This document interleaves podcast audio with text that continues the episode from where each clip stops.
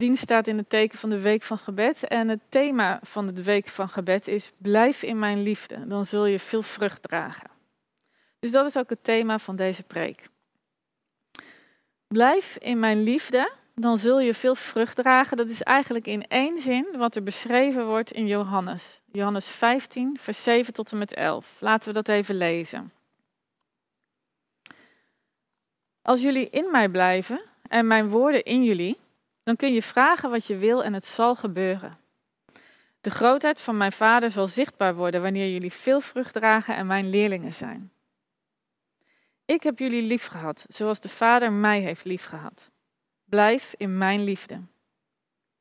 Je blijft in mijn liefde als je je aan mijn geboden houdt, zoals ik me ook aan de geboden van mijn Vader gehouden heb, en in zijn liefde blijf.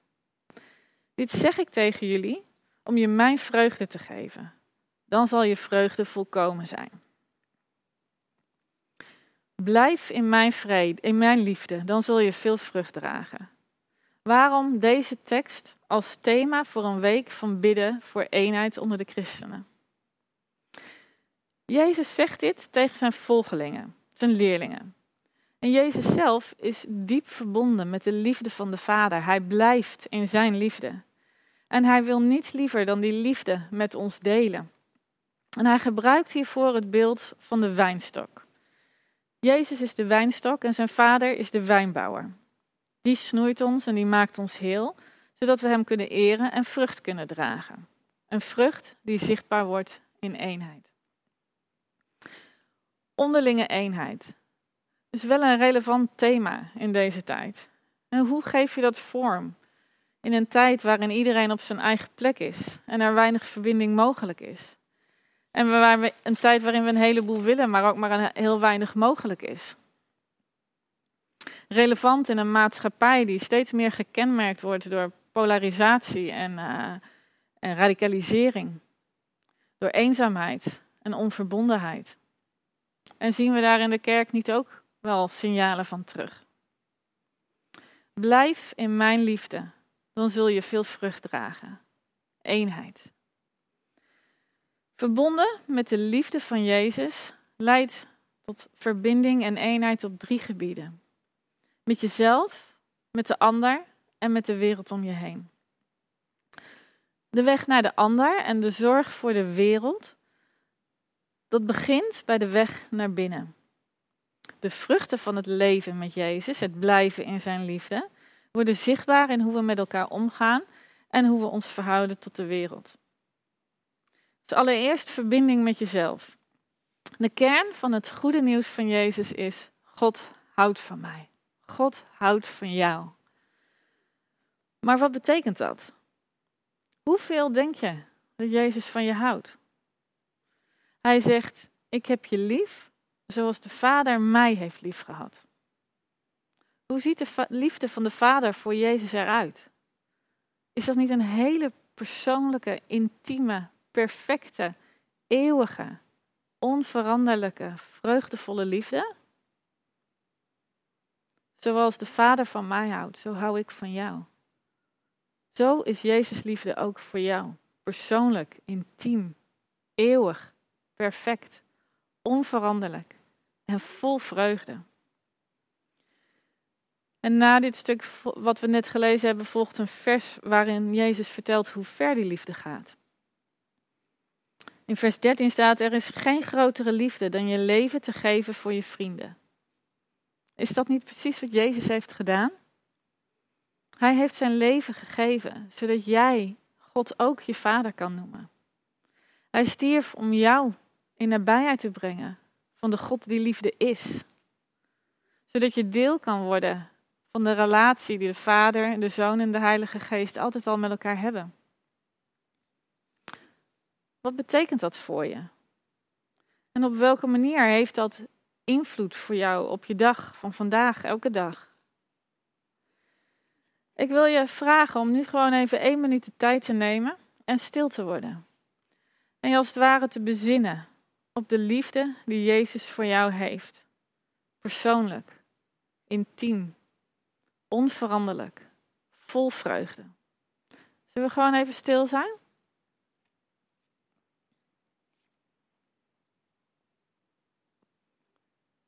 Wat ervaar je daarbij?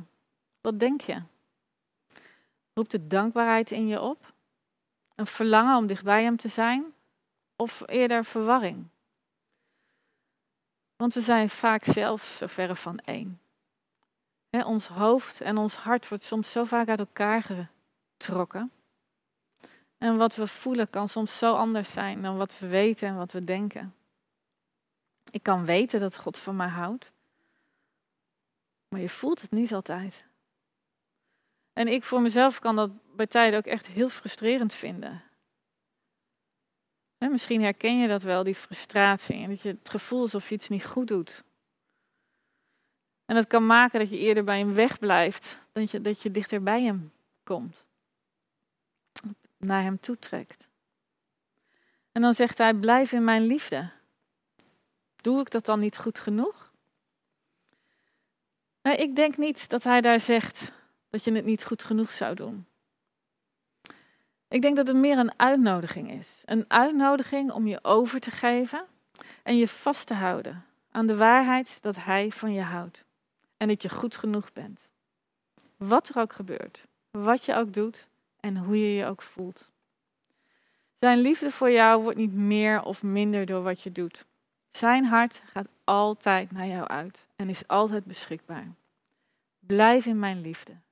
Het is altijd beschikbaar. Blijf dicht bij mij. Ik hou van jou. Dat is het uitgangspunt. Hij zegt dat hij je lief heeft zoals de Vader hem heeft liefgehad. Persoonlijk, intiem, eeuwig, onveranderlijk, vreugdevol. Het is een uitnodiging tot relatie. Blijf in mijn liefde. Een leven uit één stuk in heelheid vraagt om acceptatie van onszelf, van ons onvermogen, van onze gebrokenheid en van onze persoonlijke en onze geërfde geschiedenis. En het aanvaarden van de realiteit dat God van ons houdt. Onvoorwaardelijk. In zijn liefde blijven, dat vraagt oefening. En het is een innerlijke houding die steeds meer mag gaan wortelen en waarin we steeds meer in verankerd mogen raken. En gaandeweg worden we steeds meer onszelf. Mens gemaakt naar zijn evenbeeld. En leven vanuit die liefde brengt vrucht voort. Blijf in mij en je zal veel vrucht dragen. En dan komen we bij het tweede punt: verbinding met de ander. Want dicht bij Jezus leven, in zijn liefde blijven en zijn, dat vraagt verbinding met, de, met anderen. Dorotheus van Gaza, een monnik uit Palestina uit de 6e eeuw, die verbeelde het als volgt. Stel je een cirkel voor. En hij komt ook op het scherm eh, als het goed is. Stel je een cirkel voor met een middelpunt. De cirkel is de wereld en God is het middelpunt, het centrum. En in die cirkel lopen de lijnen vanaf de buitenkant naar het centrum, naar God. En deze lijnen verbeelden de verschillende levens, de verschillende wegen of manieren waarop mensen leven. En naarmate mensen die God willen naderen dichter bij het middelpunt komen, komen ze ook dichter bij elkaar. Dus hoe dichter bij elkaar, hoe dichter bij God. Maar hetzelfde geldt ook als we ons van, ons, als we ons van God afkeren en ons naar buiten toe terugtrekken, dan wordt duidelijk dat hoe meer we ons van God afkeren, hoe meer we ons van elkaar afkeren. Verdeeldheid onder elkaar zorgt ervoor dat we ook verder van God verwijderd raken. En dat is waarom Jezus, voordat hij gekruisigd werd, ook bad om eenheid. Zijn gebed is een uitnodiging om je weer tot Hem te keren en daarmee dichter bij elkaar te komen. En dat valt niet altijd mee, dat weten we allemaal. En dat vraagt soms echt een offer. En de sleutel is de verbinding met Jezus. Blijf in mijn liefde. Hij houdt van jou. Dat is het uitgangspunt. Maar er zit nog een ander aspect aan. Want aanvaarden dat God onvoorwaardelijk van mij houdt, betekent dat hij op dezelfde manier van de andere mensen houdt. Van alle andere mensen. Jezus houdt van ons. Maar er zijn ontzettend veel mensen binnen en buiten de kerk van wie Jezus ook houdt. Jezus houdt namelijk van ieder mens. Hij heeft ieder mens geschapen en houdt van ieder mens. In datzelfde stuk wat we net gelezen hebben, daar komt een vervolg op. Waar staat: Mijn gebod is dat jullie elkaar lief hebben, zoals ik jullie heb liefgehad. Onvoorwaardelijk, onveranderlijk, persoonlijk, eeuwig. Hoe zou het zijn als we allemaal onze levens op die manier zouden leven? Hoeveel vreugde zou dat geven? Dat iedereen benaderd wordt, iedereen behandeld wordt als iemand die ongelooflijk veel waard is. Een wereld waar mensen regelmatig het offer brengen door een stapje opzij te doen om een ander ruimte te geven. Als wij als volgelingen van Jezus deze opdracht meer en meer serieus gaan nemen en daarna gaan handelen, dan zouden de mensen niet hoeven zoeken naar Gods liefde. Dan zouden ze het voelen in de daden en in de woorden en in het leven van de anderen. Hoe anders zou de wereld eruit zien als deze opdracht het fundament van onze maatschappij zou zijn? En ondanks dat de maatschappij steeds verdeelder lijkt en mensen juist in deze digitale tijd door corona, die door corona nog digitaler is geworden, mensen zijn nog steeds op zoek naar liefde, naar verbinding, naar gekend worden. En wij zijn geroepen om de ander lief te hebben zoals Jezus ons heeft liefgehad. Persoonlijk, onvoorwaardelijk, onveranderlijk, vol vreugde. En daarvoor hebben we echt de verbinding met Hemzelf nodig, want het is ingewikkeld. Blijf in mijn liefde, dan zul je veel vrucht dragen. En die kostbare liefde die zal vrucht dragen, of je het nou ziet of niet. Zoals ook de liefde van Jezus pas vruchten afwierp na zijn dood. En als laatste zijn we ook geroepen om te zorgen voor de aarde die ons gemeenschappelijk thuis is. Dat God ons heeft toevertrouwd. En dan komen we bij punt 3, de verbinding met de wereld. Hoewel we als volgelingen van Jezus leven in zijn liefde, leven we ook in een schepping die volgens Romeinen 8 zucht terwijl ze wacht om bevrijd te worden. We zien het kwaad van het lijden en van de conflicten. En door solidair te zijn, één te zijn met hen die lijden, laten we de liefde van Jezus door ons heen stromen. En het kan je soms bij de keel grijpen. Ik heb het soms als ik het nieuws zie, dat, ik, uh, dat het me overweldigt. En dan heb ik eigenlijk ook niks anders dan mijn verbinding met Jezus. Heer, ontferm u. Heer, grijp in. Zoveel leed, zoveel onrecht. In binnenland, in buitenland. En als je dan nou kijkt naar de kindertoeslagaffaire, wat nu zo in het nieuws is. Wat een moed van die journalisten, die kabinetsleden. Die uh, tegen de stroom in en tegen de gevestigde orde in op hebben gestaan tegen onrecht. En maar zijn blijven kloppen en blijven duwen. In verbinding met Jezus en in zijn liefde blijven maakt onrecht onverdraaglijk. Want hij haat onrecht. Hij is gekomen om het recht te zetten. En in verbinding met Hem mogen we ontdekken waar en hoe Hij ons wil inzetten. Want jij hoeft de wereld niet in je eentje te redden. Dat is waar Hij voor gekomen is. Maar door jouw solidariteit, door jouw stem, door jouw daden stroomt de liefde de wereld in. De opstanding van Jezus en zijn redding en zijn verlossing draagt vrucht in ons. Als we onze naasten, dichtbij en ver, liefde aanbieden en hoop in de wereld brengen.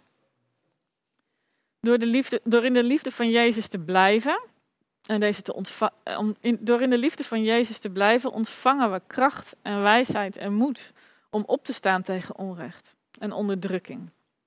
Op grote schaal, maar ook op kleine schaal. En Jezus maakt het in zijn uh, woorden ook meteen duidelijk hoe je in die liefde moet blijven. Hoe je in die liefde kan blijven. In vers 10 staat: Je blijft in mijn liefde als je je aan mijn geboden houdt. Zoals ik me ook aan de geboden van mijn vader gehouden heb en in zijn liefde blijf. Dus je blijft in de liefde van Jezus door zijn geboden te houden. Nou zou je kunnen denken dat het hier gaat over een voor wat hoort wat. Die kritische stem die je vertelt dat je toch wat moet doen om de liefde van Jezus te verdienen. Maar dat is niet het geval. Jezus kent onze menselijke natuur. En hij weet dat we geneigd zijn om afgeleid te raken of andere goden te zoeken. Werk of sport of uh, ja, rolmodellen die in de wereld leven. Uh, of misschien wel onze partner of onze kinderen. Ga zo maar door. Dus hij gaf ons een gebod om ons veilig te houden. Blijf in mij. Blijf in mijn liefde. Het gaat hier niet zozeer om dat God iets van ons vraagt, maar hij waarschuwt ons voor de dingen die ons bij hem weg kunnen trekken. God wil ons zo graag het goede, het beste geven en hij verlangt er zo naar dat wij leren leven in de realiteit van zijn liefde. En zijn geboden houden ons op die weg. En Jezus laat zien hoe dat eruit ziet. Jezus weet dat hij geliefd is en daarom gehoorzaamt hij de Vader. Ik had van de week nogal een drukke week. En uh, op een gegeven moment kwam dat zo rond etenstijd tot een soort climax, omdat ik nog niet begonnen was met koken en opeens ontdekte dat Sarah moest trainen en over drie kwartier weg moest. Paniek. Even heel veel tegelijk.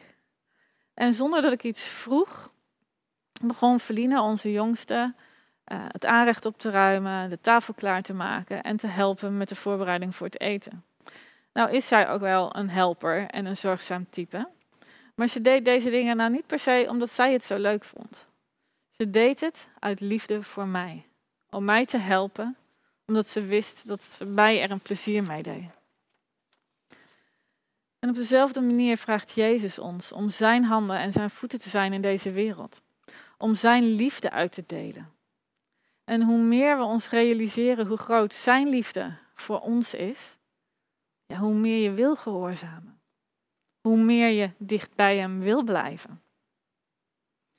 Blijf in mijn liefde. Dan zul je veel vrucht dragen. En die vrucht die ontstaat vanuit de verbinding met Jezus. En die verbindt wie je zelf bent. Het verbindt ons met elkaar en het verbindt ons met de wereld om ons heen. Dus mijn oproep vanmorgen aan jullie is: blijf in Zijn liefde. Ontdek wie Hij is en hoeveel Hij van je houdt. Verbind je met Hem en daarmee met jezelf, met de mensen om je heen en met deze wereld. Zullen we samen bidden? Vader God, dank u wel. Dank u wel, Heer, dat u één bent. Vader, Zoon en Heilige Geest. En dat u ons uitnodigt, ons welkom heet in die relatie. Dank u, Heer, voor uw intieme, persoonlijke, perfecte, eeuwige, onveranderlijke liefde, die vol vreugde is voor ieder van ons, zoals we hier zitten.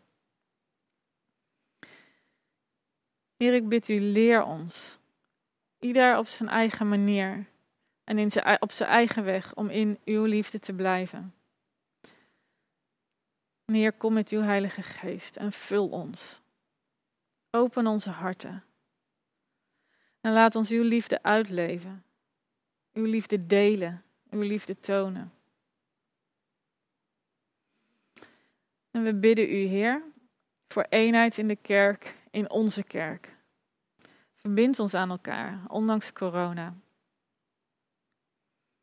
En Heer, geef ons moed om op te staan tegen onrecht en daarin uw hart te volgen. In Jezus' naam. Amen.